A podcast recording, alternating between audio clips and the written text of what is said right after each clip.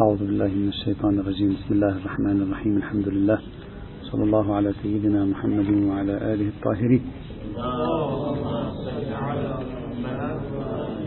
وصلنا إلى الحديث عن إمكانات التوفيق والجمع بين النصوص الحديثية المتعارضة في موضوع على من توضع الجزية. هل توضع فقط على أهل الكتاب أو على غير أهل الكتاب أيضا؟ قلنا توجد حلول آه، عدة يمكن ذكرها هنا. الحل الأول آه، عبارة عن آه، حمل روايات الطائفة الأولى على مشركي العرب وحمل روايات الطائفة الثانية على مشركي العجم. والقرينة على هذا الحمل بعض الروايات الموجودة في الطائفة الثانية التي تفصل بين مشركي العرب ومشركي العجم.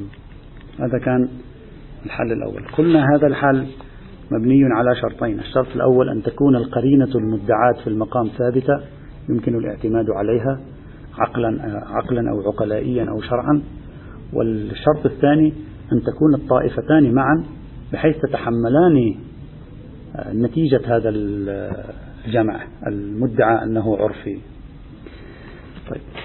فيما يتعلق بالشرط الأول جميع الروايات التي ذكرت التمييز بين المشركي العجم ومشركي العرب جميع هذه الروايات ضعيف من حيث الإسناد. بعضها ضعيف جدا من حيث الإسناد أيضا. وهي عبارة عن رواية أبي بصير ورواية زيد ورواية الزهري وخبر الدعائم اللي هو الرواية الثامنة كان. وهذه الروايات الأربع ضعيفة الإسناد على التحقيق. بعضها مصاب بالإرسال وبعضها فيه أكثر من مجهول. وبالتالي الشرط الأول هنا غير متوفر أما على صعيد تحمل هذه المجموعتين من الروايات إمكانية هذا الجمع. فالصحيح أن بعض الروايات في المجموعة الأولى ومنها الرواية صحيحة السند وبعض الروايات في المجموعة الثانية تأبى عن أن تحمل على هذا المعنى. أصلا لا يمكن حملها على هذا المعنى. سنوضح ذلك. نجي إلى مثلا رواية ابن عتبة الهاشمي عبد الكريم بن عتبة الهاشمي التي هي أهم رواية من حيث المصدر والإسناد في المجموعة الأولى. هذه الرواية وهي الرواية الخامسة الآن نحن نريد أن نحملها على ماذا؟ نريد أن نحملها على مشركي العرب.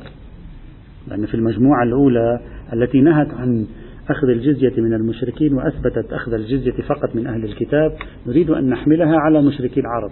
هل تتحمل هذه الرواية الحمل على خصوص العرب دون غيرهم أو لا. هذه الرواية تستند إلى النص القرآني طبعا بالمناسبة والنص القرآني مطلق ليس فيه أي إشارة لا إلى عرب ولا إلى عجم كما هو واضح. طيب إذا استندت إلى النص القرآني لا معنى لأن نقول بأنها خاصة بمشركي العرب ومشركي العجم أو أهل الكتاب العرب أو أهل الكتاب العجم لأن القرآن الكريم عندما يقرر الجزية إثباتا ونفيا لا يتكلم عن الهوية القومية إطلاقا. فإذا كانت الرواية تعتمد في الاستدلال على مدعاها على آية هذه الآية ليس فيها أي إشارة إلى موضوع العجم والعرب وليس فيها أي إلفات إلى هذا الموضوع يبدو الحمل حينئذ آه، صعبا في مثل هذا. كذلك مثلا رواية آه، السيوف الخمسة. مثلا رواية السيوف الخمسة هي بنفسها تصرح بعدم التمييز بين مشركي العرب ومشركي العجم. لما تتكلم عن السيف الأول اللي هو سيف مشركي العرب تعطي حكم ولما تتكلم عن سيف على مشركي العجم تعطي حكم والحكم الذي تعطيه في مشركي العرب هو نفسه الحكم الذي تعطيه في مشركي العجم دون ذكر الجزية. يعني هي تصرح بالعجم تصرح بمشركي العرب ومشركي العجم وتصرح في مشركي العرب ومشركي العجم بأنه إما يقتل أو يسلم تصرح بأنه لا يؤخذ منهم الجزية. فكيف أنت تريد أن تجمع بين هذه الرواية وبين روايات الطائفة الثانية بالتفصيل بين مشركي العرب ومشركي العجم؟ وهي بنفسها تصرح بأن مشركي العجم لا فرق بينهم وبين مشركي العرب. يعني بالنهاية هذه الرواية لا يمكن أن تتحمل هذا الجمع. آبي عن تحمله. كيف يعقل أن تكون هذه الرواية قاصدة التفصيل بين مشركي العرب ومشركي العجم بنحو الإرادة الجدية؟ وهي الصريحة بتعبير مشركي العجم صريحة في أنهم يقتلوا أو يسلموا فقط. وتميزهم عن أهل الكتاب. كما تماما كما تميز مشركي العرب العرب والعجم عن أهل الكتاب معا. فإذا هذا أيضا يبدو صعبا.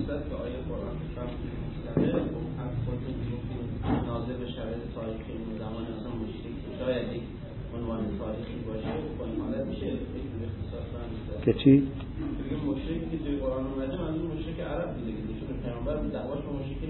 لا الآية ليس فيها حال المشركين. الآية تشرع الجزية. وهذه الآية التي هي الأصل في الجزية ويستند الإمام إليها في ادعائه مطلقة.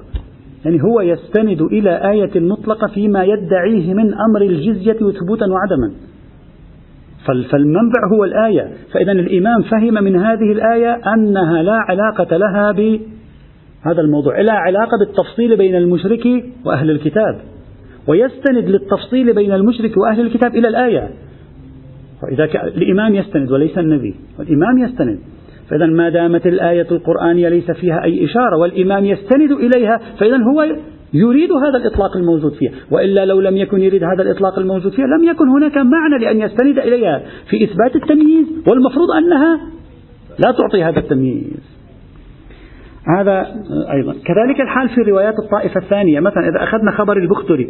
خبر البختري في مقام البيان والتفصيل ليس فيه أي إشارة. وعادة الذي يكون في مقام البيان والتفصيل وتشقيق الشقوق يكون أصلا في مقام ذكر هذه التفاصيل. خبر مسعد بن صدقة الوارد في أوامر الرسول صلى الله عليه وسلم لأمراء السرايا. قلنا بأنه في أغلب المصادر ورد فيه تعبير المشركين. في أغلب المصادر ورد فيه تعبير المشركين. وقلنا بأن تعبير المشركين هنا في الغالب هو ناظر إلى مشركي العرب. والمفروض أنها تقول بأنه يؤخذ منهم الجزية. فكيف تريد أن تجمع بينها وبين غيرها بعدم أخذ الجزية من مشركي العرب وأخذ الجزية من مشركي العجم؟ ما هي نفس الرواية هذه التي أنت تريد أن تجمع بينها وبين غيرها. هي بعينها تقول بأن النبي كان يوصي الأمراء في موضوع المشركين اللي هن مشركين العرب بقدر المتيقن في وصايا النبي يوصيه بأن يأخذ الجزية منهم. فكيف تريد أن يكون حاصل الجمع بين النصوص هو عدم أخذ الجزية من مشركي العرب؟ وأخذ الجزية من مشرك العجم. يعني هذا كأنما نسبته إلى إلى بعض الروايات في الطائفتين نسبته إلى نقيض الشيء. وبالتالي لا يعقل أن, أن نلتزم بجمع من هذا القبيل آه، هنا. وعليه بعض الروايات قابلة لتحمل هذا الجمع. بعض الروايات التي هي العمدة مثل خبر الأسياف مثل خبر عبد الكريم بن عتبة الهاشمي خبر أبي البختري رواية مسعد بن صدقة التي يصححها سندا سيد الخوئي. هذه الروايات التي هي العمدة لا تقبل مثل هذا الجمع. لأنها إما صريحة لفظا بتعبير مشركي العرب ومشركي العجم وبالتالي تنفي التفصيل وتوحد الحكم بينهم أو هي دالة على مشركي العرب بنقيض هذا الجمع أو على مشركي العجم بنقيض هذا الجمع. يعني لها دلالة مباشرة لأنها لها دلالة إطلاقية حتى تقوم أنت بتقييدها. وبناء عليه فهذا التفصيل غير واضح. بل أصل التمييز بين مشركي العرب ومشركي العجم تمييز ليس له وجود في الفقه الشيعي. وإنما هو تمييز موجود عند بعض فقهاء أهل السنة ومستنده هي هذه الروايات الأربع وهذه الروايات الأربع ضعيفة الإسناد كما رأينا. فإذا نعم. كيف؟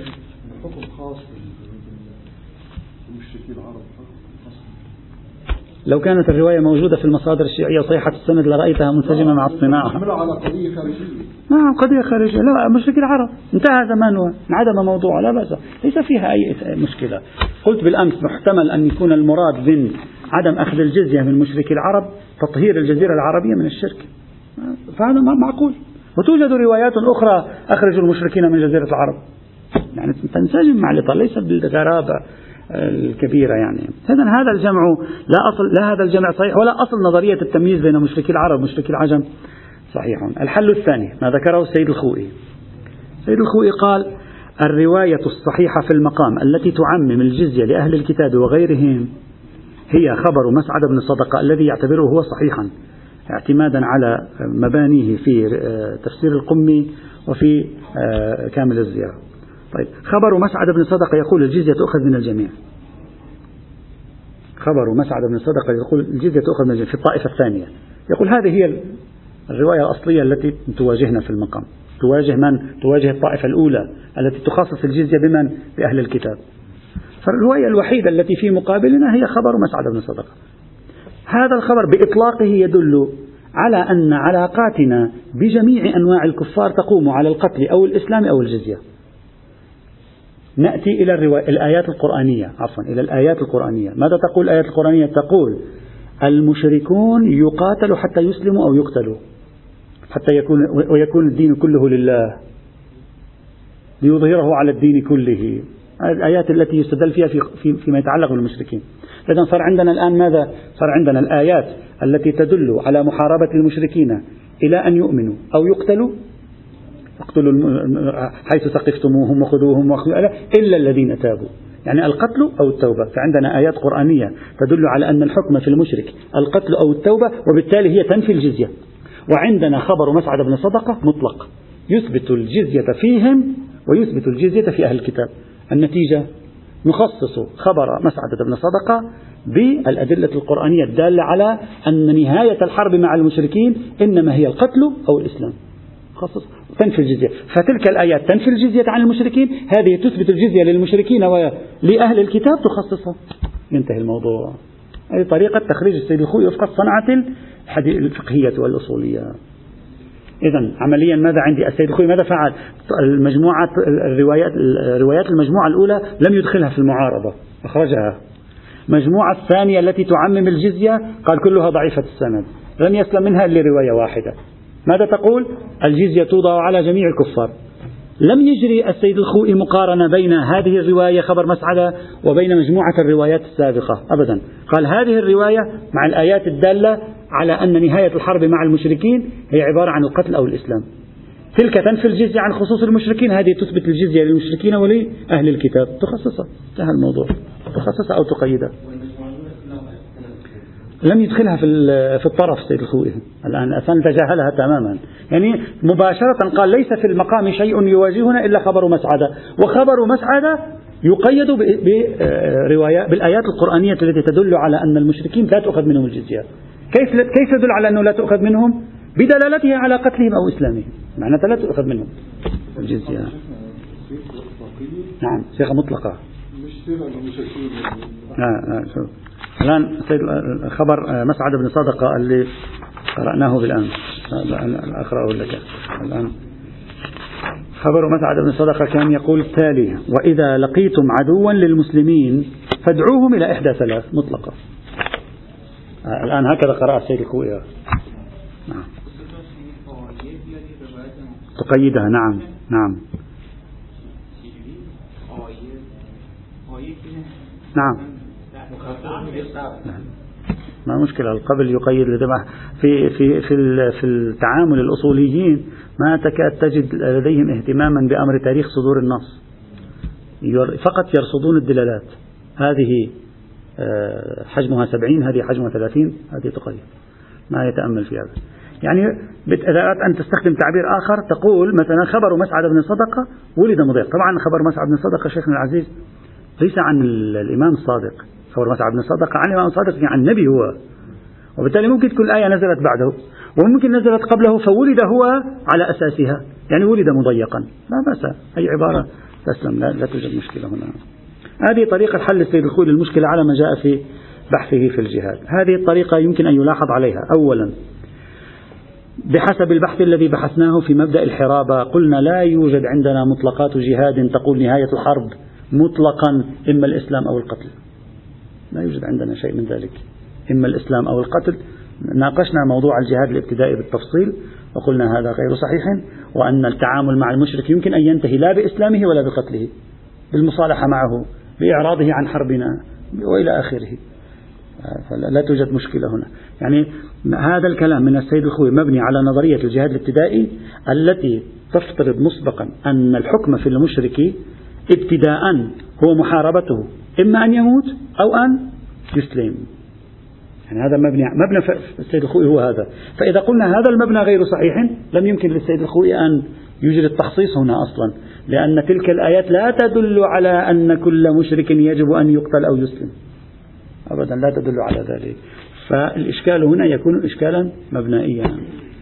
ثانيا إذا أردنا أن نتفنن في دقة الموضوع كان يلزم على السيد الخوئي هذا إشكال منهجي على السيد الخوئي لا أن يقول تلك الآيات القرآنية تقيد إطلاق خبر مسعد بن صدقة. كان يجب أن يقول الآيات على نوعين. آيات مطلقة في وجوب قتال غير المسلمين إلى أن يقتلوا أو يسلموا وتقابلها آيات تقول الحكم في خصوص أهل الكتاب من غير المسلمين. هو الإسلام أو القتل أو الجزية فهذه الآيات تقيد إطلاق هذه الآيات ويكون الحاصل القرآني هو. أهل الكتاب الجزية أو القتل أو الإسلام المشركون الجزية الإسلام أو القتل. هذه النتيجة إذا عرضناها على خبر مسعد بن صدقة تقيد حينئذ خبر مسعد بن صدقة. ففنيا لا يصح من السيد الخوي أن يأخذ إطلاق تلك لماذا؟ لأن إطلاق تلك الروايات التي دلت على وجوب القتال تشمل حتى أهل الكتاب أحيانا. لا نستطيع أن نستفيد منها هنا. يجب أن نفترض أن تلك الآيات القرآنية التي يريد السيد الخوي أن يتمسك بإطلاقها خاصة بالمشركين.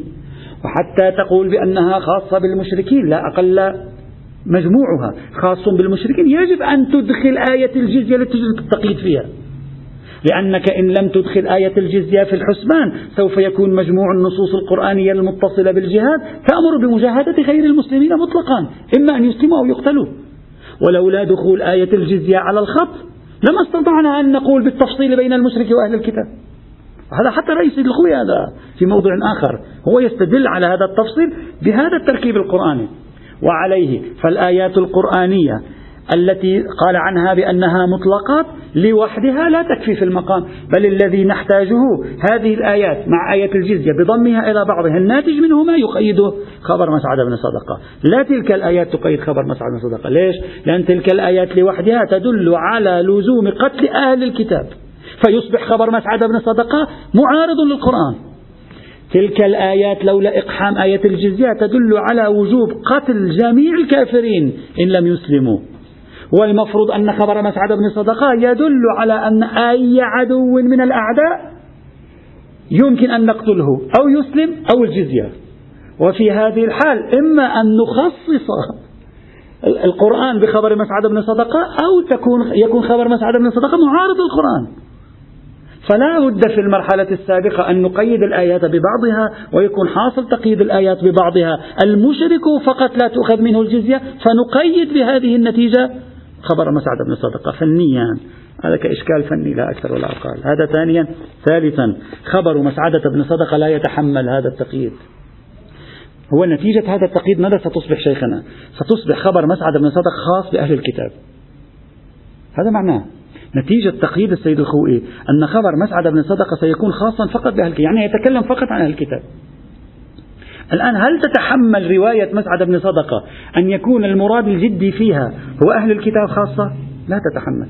وذلك أولا خبر مسعد بن صدقة بحسب نقل الشيخ الطوسي في التهذيب وكذلك بحسب نقل المصادر السنية ورد فيه تعبير المشركين.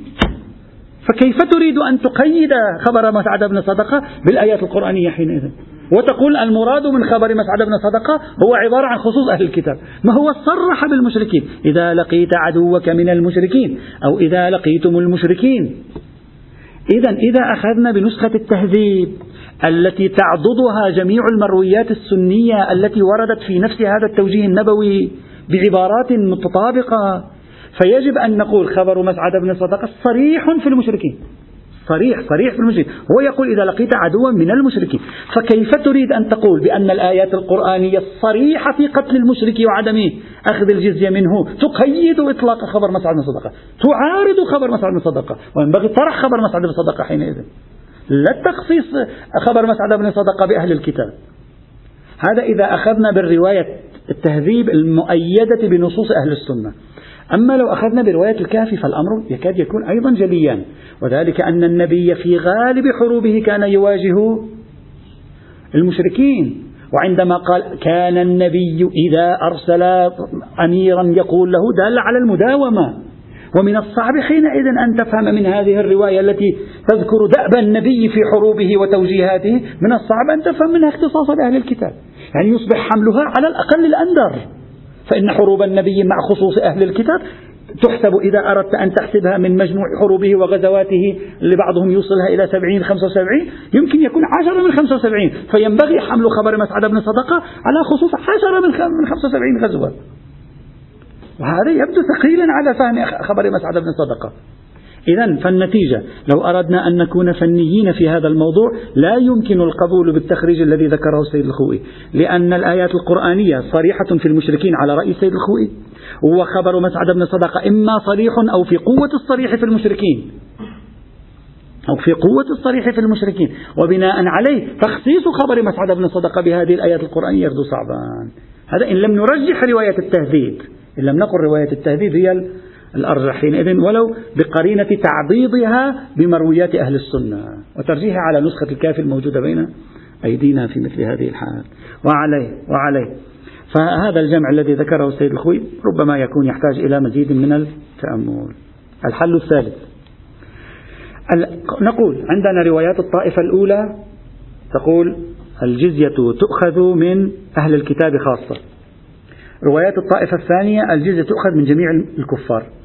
نأخذ بروايات الطائفة الأولى ونطرح روايات الطائفة الثانية. لماذا؟ لإعراض المشهور عنها. نقول أعرض المشهور عن هذه. فنأخذ بهذه. يعني الترجيح بالشهرة. في باب التعارض مش عندنا ترجيح بالشهرة نحن نرجح نستخدم الترجيح بالشهرة حينئذ. هذا الكلام صغرويا قد يكون صحيح. ممكن إماميا المشهور هو ما يوافق المجموعة الأولى من الرواية. إماميا المشهور هو ما يوافق المجموعة الأولى من الرواية. إلا أن إعراض المشهور تطبيق إعراض المشهور هنا مشكل. وذلك أننا درسنا في الأصول أن قاعدة إعراض المشهور يشترط في الأخذ بها أن لا يكون منشأ إعراضهم اجتهاديا منكشفا أو شبه منكشف لنا. ونختلف معهم فيه. ومنشأ الإعراض هنا يرجح قويا أن يكون اجتهاديا. ما معنى هذا الكلام؟ معنى هذا الكلام أن المشهور رأوا روايات الطائفة الأولى ورأوا أيضا روايات الطائفة الثانية. والآن نريد أن نسأل لماذا أعرضوا عن روايات الطائفة الثانية؟ ممكن أن يكون أعرضوا عن روايات الطائفة الثانية لأنها من الأصل ساقطة عن الاعتبار عندهم. هذا إعراض ينفع يسقطها عن الحجية. وممكن أنهم رأوا أن روايات الطائفة الثانية حجة ولكنهم مارسوا جمعا بين رواية الطائفة الثانية والأولى فرجحوا الأولى على الثانية لنكتة من النكات. إذا احتملنا الاحتمال الثاني لا نستطيع أن نقول بأن إعراض المشهور الموجب لسقوط الرواية عن الحجية والاعتبار متحققة شروطه هنا. لا نستطيع. إعراض المشهور الذي يسقط حجية السند هو أن المشهور هذه الرواية لم يعملوا بها إطلاقا ولا يوجد لها معارض ولا يوجد ضعف في داخلها ولا يوجد أي شيء ومتنها صحيح ودلالتها صحيحة وسندها قوي. نقول أعرض المشهور سقطت عن الحجية والاعتبار. هذا أعرض المشهور. أما إذا رواية مثلا في داخلها عشرة كذابين أعرض عنها المشهور إعراض المشهور لا يفعل شيئا لأننا نقول أعرضوا لأن فيها كذابين. أو نقول أعرضوا لأنها تخالف القرآن إذا كانت تخالف القرآن. إعراضهم لا يصبح دليلا إضافيا على سقوط حجية الرواية. لأن إعراضهم مستندي معلوم المدركية وهو عبارة عن أنها معارضة للقرآن مثلا.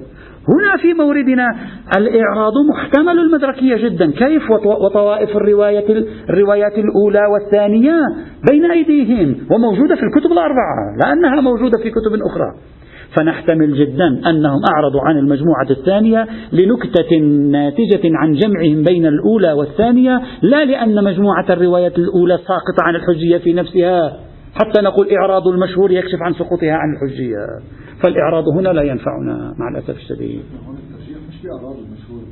الترجيح بالمشهور. لا نحن نتكلم الآن عن سقوط المجموعة الأولى بالإعراض. ذاك الترجيح بالمشهور الشهرة, الشهرة الروائية. فهكذا الترجيح بالمشهور شهرة روائية لا توجد شهرة روائية في المقام. أما نحن نتكلم الآن عن أن هذه المجموعة الثانية في ذاتها ساقطة عن الاعتبار. فلا تعارض المجموعة الأولى فنأخذ بالمجموعة الأولى. وهذا كونها في ذاتها ساقطة عن الاعتبار غير معلوم. الحل الرابع. الأخذ بروايات الطائفة الأولى وطرح روايات الطائفة الثانية. لماذا؟ لموافقة روايات الطائفة الأولى للقرآن الكريم. وذلك أننا لو جمعنا بين أدلة عمومات الجهاد وآية الجزية ماذا ستصبح النتيجة؟ ستصبح النتيجة المشركون لا تؤخذ منهم الجزية بل يقتلوا أو يسلموا وأهل الكتاب تؤخذ منهم الجزية وهذا موافق للطائفة الأولى. التي تقول أهل الكتاب فقط يؤخذ منهم الجزية. طيب ستكون الطائفة الأولى منسجمة تمام الانسجام مع الآيات مع حاصل تركيب الآيات القرآنية. وبالتالي الطائفة الثانية تكون معارضة لحاصل تركيب الآيات القرآنية فتطرح. ويكون الترجيح حينئذ بموافقة الكتاب أو مخالفة الكتاب. هذا الجمع جيد لا بأس به.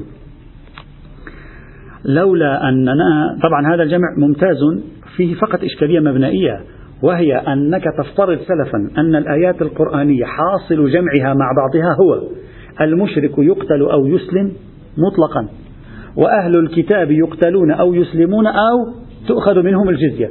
والمفروض هذه النتيجة نحن ناقشناها مبنائيا فيما مضى. من لا يقبل بنظرية الجهاد الابتدائي من لا يقبل بنظرية الجهاد الابتدائي لا يستطيع أن يأخذ بهذه النتيجة. فهذه المقاربة مبنية على أن القرآن نتيجة جمع آياته مع بعضها هو تشريع الجهاد الابتدائي بهذا المعنى. أما لو واحد أنكر ذلك ينتفي هذا الموضوع بشكل تلقائي. فالخلاف هنا مبنائي. لكن لكن هذا الجمع يبقى جيدا لأن فعلا القرآن يميز بين أهل الكتاب وغيرهم وهذا يعطي قوة ترجيح للمجموعة الأولى. يعني يعطيها قوة ترجيح. أصل الفكرة يعطي قوة ترجيح للمجموعة الأولى.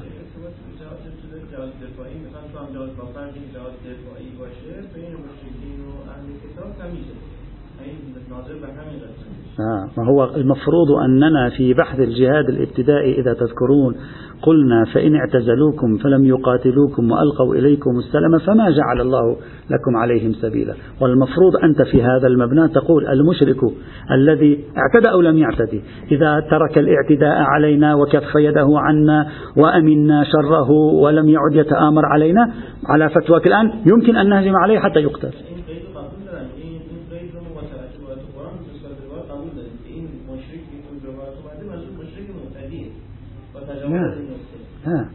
حتى لو المشرك المعتدي. هذه التركيبة لا تنفع هنا.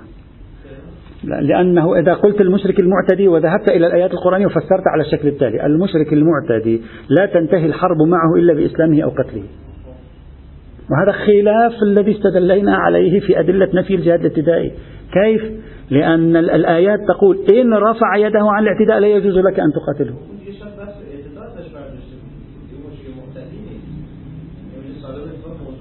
خب. لا مشرك معتد ثم رفع يده عن الاعتداء. قال أنا أريد الصلح ولا أريد بعد أن أقاتل.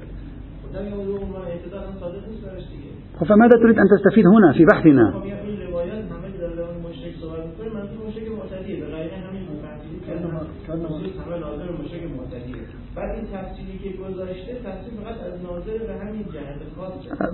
بحثكم هو عبارة عن جهة ثانية التي سنشرع بها اليوم في الربط بين نظرية الجزية ونظرية الجهاد.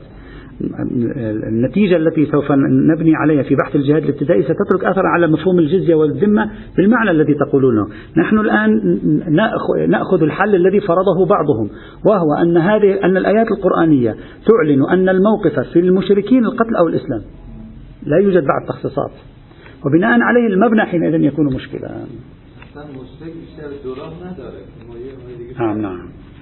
الحل الخامس والأخير أن يقال بأن نصوص الطائفة الثانية كلها ضعيفة السند. ونصوص الطائفة الأولى فيها رواية واحدة صحيحة الإسناد وهي خبر عبد الكريم بن عتبة الهاشمي. فلا تصل النوبة إلى التعارض أصلا لأن خبر مسعد بن صدقة لم نصححه. نعم على مبنى السيد الخوئي يكون صحيحا لكن إذا لم نصحح خبر مسعد بن صدقة كما قلنا لا توجد في المجموعة الثانية رواية صحيحة أصلا. فلا تصل النوبة إلى التعارض حينئذ حتى نحل التعارض بين الروايات. فتكون المجموعة الأولى فيها رواية صحيحة والمجموعة الثانية ليس فيها رواية صحيحة. هذا الحال إذا بنينا على مسلك حجية خبر الثقة فهو صحيح وهو الحل المناسب ويكون الحق حينئذ على ما ذهب إليه المشهور. ولا إشكال في ذلك إطلاقا. أما إذا قلنا بأن الحجية للخبر الموثوق بصدوره خبر واحد آحادي تدعمه ثلاث أربع روايات آحادية ضعيفة أخرى إذا واجهه عشر روايات في المقابل ولو كانت ضعيفة الإسناد متنوعة المصادر بعضها في الكتب الأربعة بعضها سني شيعي معا أيضا تحصيل الاطمئنان بالصدور مشكلة حينئذ. وبالتالي علينا من مجموع هذه الروايات أن نأخذ ما يوافق القرآن الكريم. يعني في الحقيقة نرجع إلى النص القرآني. والنص القرآني يثبت الجزية فقط على أهل الكتاب. وإذا أثبت النص القرآني الجزية على أهل الكتاب نقول الطائفة الأولى في كونها تحصر الجزية في أهل الكتاب صحيحة. يعني لاحظوا معي في كونها تقول إن الجزية تؤخذ فقط من أهل الكتاب نعم تكون صحيحة. هذا هو الموافق للقرآن الكريم. فتكون الرواية المجموعة الأولى من الروايات في هذا المضمون منها وهو أن الجزية فرضت في الإسلام فقط في علاقتنا مع أهل الكتاب يكون صحيحا لأن هذا موافق للقرآن الكريم حينئذ. لا في غير ذلك من الجوانب التي لا صلة لها بالآية القرآنية. يعني إذا في جانب آخر ثاني في الروايات لا صلة له بالآيات القرآنية لا نستطيع أن نلتزم به لعدم إمكان الوثوق بصدور غير القدر المتيقن الموافق للقرآن من مجموع الطائفتين. والقدر المتيقن الموافق للقرآن من مجموع الطائفتين أن أهل الكتاب فرض فيهم الجزية. هذا هو القدر المتيقن. وهذا متناسب مع الطائفة الأولى. فنقول الطائفة الأولى في هذه المساحة حجة لتوافقها مع القرآن الكريم في مثل هذه الحال. وهو یعنی باز اگه دیگه اشکال پنج اشکال چهار دوباره برمیگرده که این به مطلوبه. ما اونجا آیات قرآن رو فرض نکرد جهاد ابتدائي رو قبول لا هذا لا علاقة له بالجهاد الابتدائي الآن. الآن نحن خارج فضاء الجهاد الابتدائي وغير الابتدائي. نقول نهاية الحرب مع أهل الكتاب فرضت الشريعة فيها الجزية خيارا. لا نتكلم الآن عن سبب الحرب. لماذا لا نتكلم؟ لأننا لا نتكلم عن أن المشرك يجب أن يسلم أو يقتل مطلقا.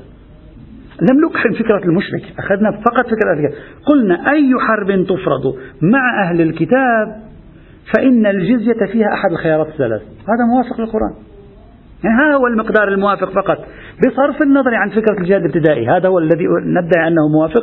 هو هذا. يعني بصرف النظر عن فكرة الجهاد الابتدائي والجهاد الدفاعي القدر الموافق من هذه الطوائف للقرآن الكريم هو الفكرة التالية أي حرب بصرف النظر ما هو مبررها؟ تفرض شرعية مع أهل الكتاب؟ الشريعة وضعت خيارا إضافيا في أهل الكتاب وهو عبارة عن الجزية. هذا الخيار الإضافي الذي فرضته ليس له وجود في تشريع المشركين. الآن المشركين ما هو حكمهم؟ القتل أو الإسلام؟ القتل أو الإسلام أو كف عدوانهم؟ بحث آخر.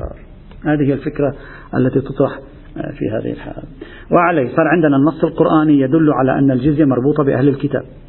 النص الحديثي لم نستطع أن نأخذ منه فكرة أكثر من هذه الفكرة التي دلت عليها الآية القرآنية الكريمة. وبالتالي النصوص الحديثية المتوافقة مع مفاد الآية وهي نصوص الطائفة الأولى في هذا الموضوع نأخذ بها حينئذ. نأخذ. دون أن نلحظ شيئا متعلقا بالمشركين الآن المشركين مسكوت عنهم. الدليل الثالث الذي ادعوا وهو الدليل الأخير. الذي ادعوا من خلاله على أن الجزية خاصة بأهل الكتاب هو الإجماع. قالوا أجمع المسلمون أجمعت الطائفة على أن الجزية لا تؤخذ إلا من أهل الكتاب أو أن الجزية مفروضة في أهل الكتاب.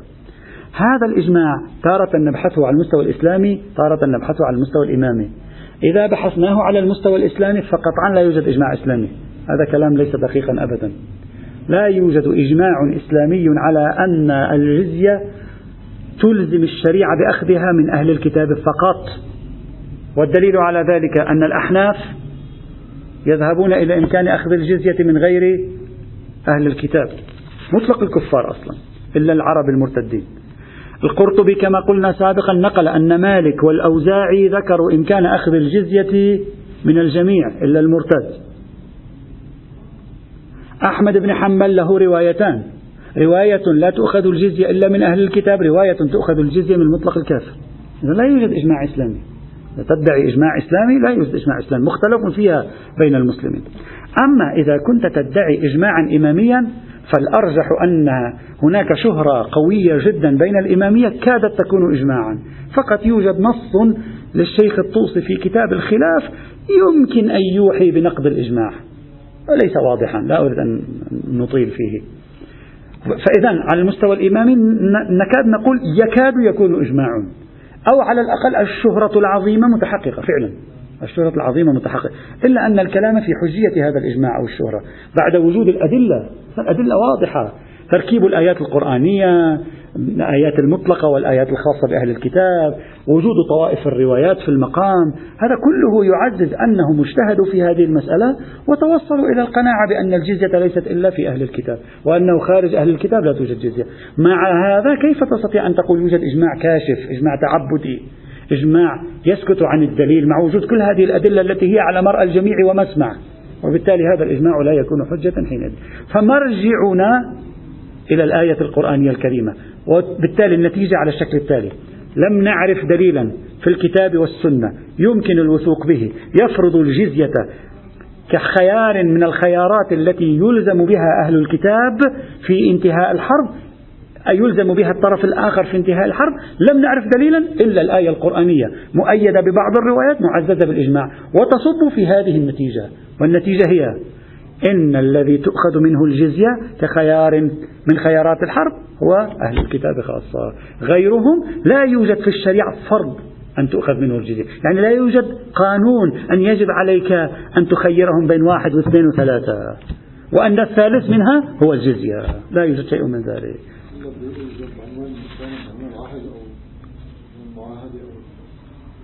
لا معاهدة ماذا؟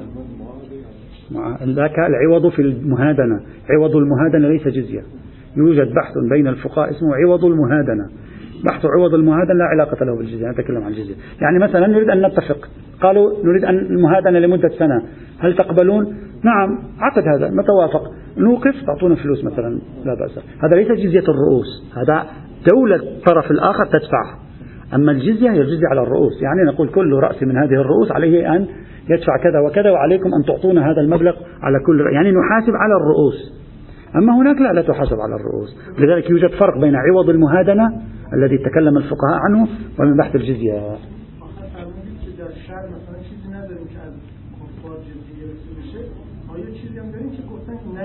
آه الآن سنتكلم. الآن. نعم. لذلك أنا قلت لا يوجد في النصوص الإسلامية خيار معين مفروض لانتهاء الحرب. اسمه الجزية إلا في أهل الكتاب. يعني لا يوجد عندي نص يقول لي إذا تريد أن تنهي الحرب مع المشركين فيجب عليك إما أن تقتلهم أو أن يسلموا أو تدفع الجزية. هذا ليس في أصل الإسلام. لكن هل يوجد نص يمنع ولي أمر المسلمين عن أن يتخذ قرارا من هذا القبيل مع المشركين؟ هذا سيأتي. لا يوجد نص. وهذا مبني على فكرة الجهاد الابتدائي على النقطة الثانية. الآن سأشرحه الآن الآن سأشرحه. إذا أنا قلت بالجهاد الابتدائي الحكم في غير أهل الكتاب أن الإمام لا يجوز له أن يأخذ الجزية. لأن المفروض أن الشريعة فرضت عليه القتل أو الإسلام. هذا عنوان ثانوي بحث آخر حالة اضطرار بحث آخر. لكن أما لو لم نقل بالجهاد الابتدائي قلنا بالجهاد الدفاعي. والجهاد الدفاعي أن تكف أذاهم. قلت تكف أذاهم. بإمكانك أن تكف أذاهم عبر أن تقاتلهم تكف أذاهم عبر تهديهم يدخلوا في الإسلام أذاهم. تكف أذاهم أنت مثلا بواسطة أن حنكتك السياسية تقول لهم أنا أتفق معكم على وقف القتال نوقف القتال لكن على أن تدفعوا لنا الجزية. أو أوقف أوقف الحرب ضدكم على أن تدخلوا في بلادنا وتدفعوا الجزية. بإمكان ولي المسلمين أن يفعل ذلك. لا يوجد دليل يمنع عن ذلك. بينما لو قلنا بالجهاد الابتدائي نفس دليل الجهاد الابتدائي في المشرك يمنعه. هذا الفرق ما بين مبنى الجهاد الابتدائي والجهاد الدفاعي. ولذلك قلنا قبل قليل قلنا لم نقبل بالحل الرابع لأن الحل الرابع مبني على فكرة الجهاد الابتدائي. أما الحل الخامس لا ليس مبنيا على فكرة الجهاد الابتدائي. هذا هو الفرق بينهما.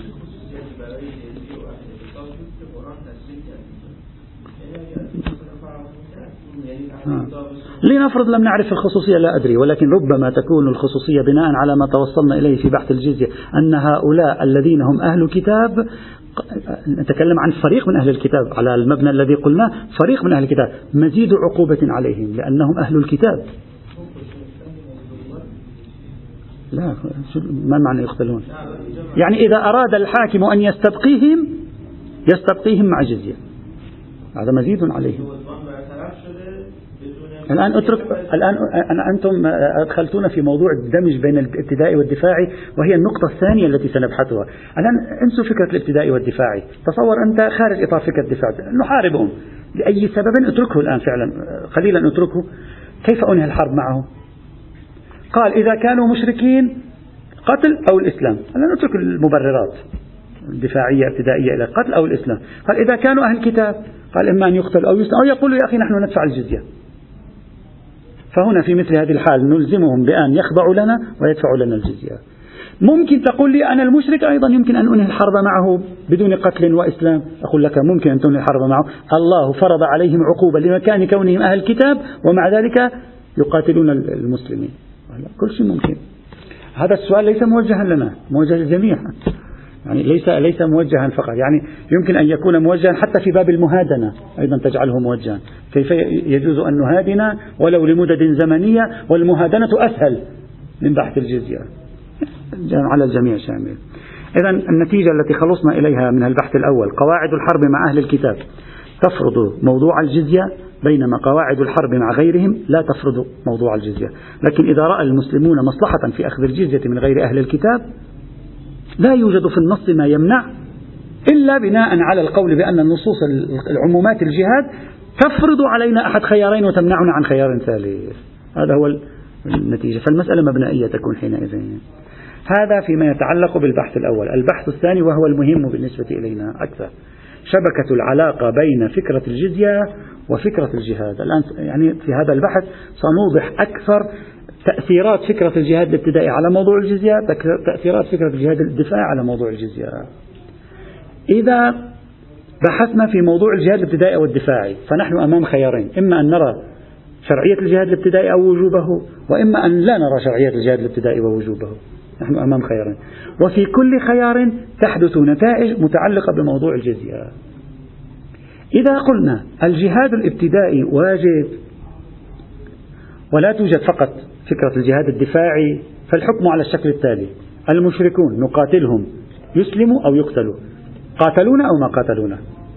أهل الكتاب قاتلونا أو ما قاتلونا نقاتلهم يسلموا أو يقتلوا أو يعلنوا النزول على بلاد المسل... على إرادة المسلمين فيخضعوا ويدفعوا الجزية. هذا هو الحكم. هذه نتائج بحث الجزية إذا ربطناه ببحث الجهاد الابتدائي. أما لو قال شخص أنا لا أؤمن بالجهاد الابتدائي. فكيف يمكنه أن يفهم الجزية؟ أنا إذا سألتك تصور معي أنك لا تؤمن بالجهاد الابتدائي أصلا فكرة الجهاد الابتدائي غير صحيحة ولا يوجد في الإسلام إلا جهاد دفاعي فكيف نفهم الجزية؟ على الشكل التالي نقول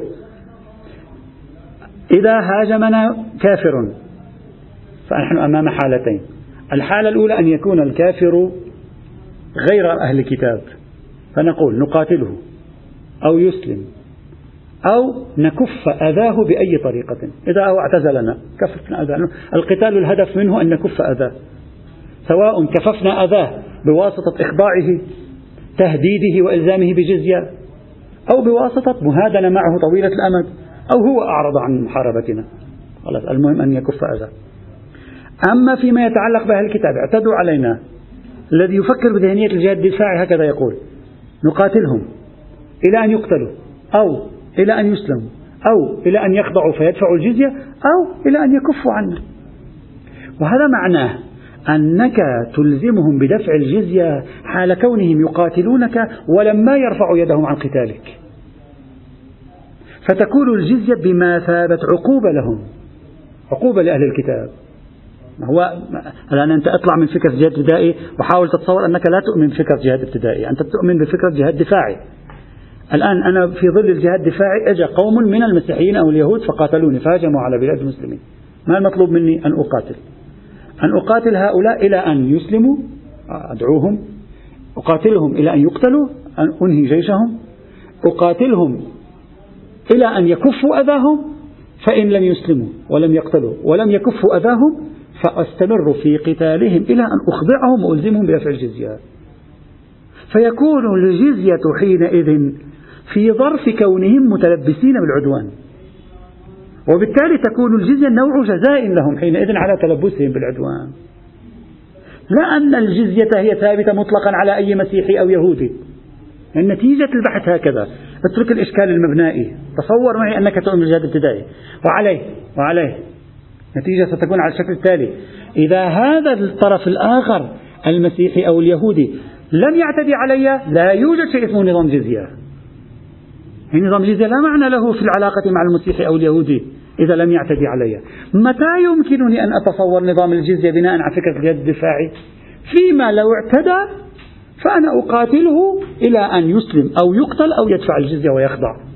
فإن لم يقاتلني لا شيء بيني وبينه. أصلا هذه الثلاثة سالبة بانتفاء الموضوع. لأن موضوع هذه الثلاثة ما لو اعتدى علي فلو لم يعتدي علي لا يوجد لها موضوع حينئذ. ما أدري إذا صارت واضحة الفكرة. بلي.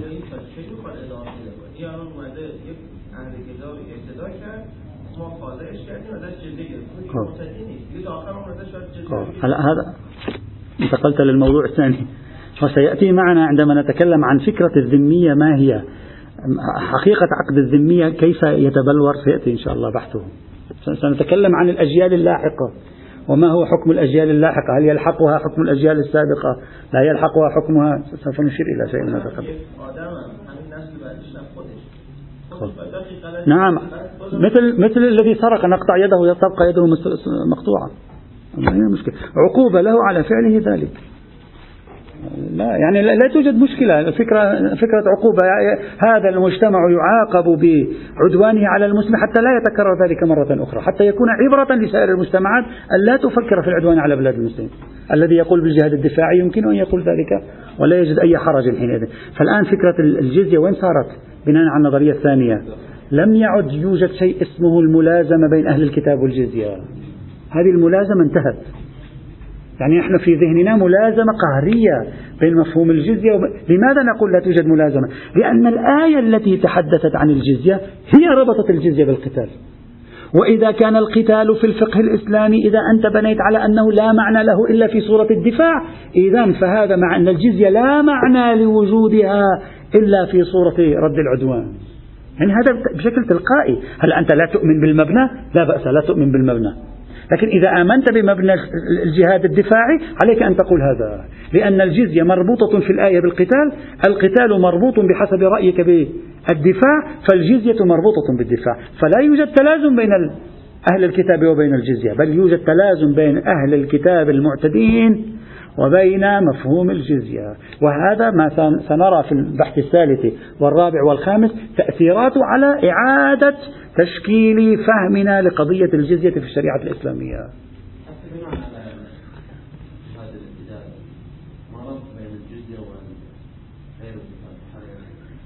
غير الكتاب؟ هو الجهاد الذي يقول بالجهاد الابتدائي ما معناه معناه يقول الآن عندنا دولة مسيحية. يجب علي أن أخضعها فإما تسلم أو تقتل وتسبى نساؤها وأولادها أو تدفع الجزية. هذا تكليف شرعي أنا موجه لي أي داخل؟ متى صاروا في الداخل؟ هذا هذا الذي سيأتي معنا لاحقا. بناء على ما قلناه. شوف معي. بناء على الذي يقول مثلا بالجهاد الابتدائي يأتيه هذا السؤال. طيب الآن لنفرض لنفرض فرضا أنه المسلمون لم يغزوا أي بلد. تلقائيا بلد مسيحي أغلبه صار إسلاميا. فما هو الحكم في أولئك المسيحيين المتبقين؟ بناء على الجهاد الابتدائي والذي يقول بأن الجزية قانون مرتبط ذاتيا فكرة أهل الكتاب تفرض عليهم الجزية. بينما على الفكرة التي نقولها لأنه مربوط بالقتال والدفاع لا معنى لأخذ الجزية هنا. وهنا يأتي عليهم إشكال أن نهاية أن الجزية نهاية للقتال. مع أنكم فرضتم الجزية في موارد لم يكن فيها قتال أصلا ولم يكن خطاب موجه إلى مقاتلتهم. وسيأتي هل يمكن إيجاد حل لهذا الإشكال أو لا؟ يعني هي هذا الآن هذه الثغرة التي فتحناها ستفتح أمامنا أسئلة كثيرة. على خلاف كل ما نعرفه عن فكرة الجزية. لأنك بمجرد أن تقول جزية لم تعد مربوطة بأهل الكتاب بما هم أهل الكتاب وربطتها بعنوان ثاني مع عنوان أهل الكتاب. إذا في أهل الكتاب ليس ليسوا على صلة بالجزية. فماذا نفعل معهم؟ يأتي إن شاء الله. الحمد لله رب العالمين.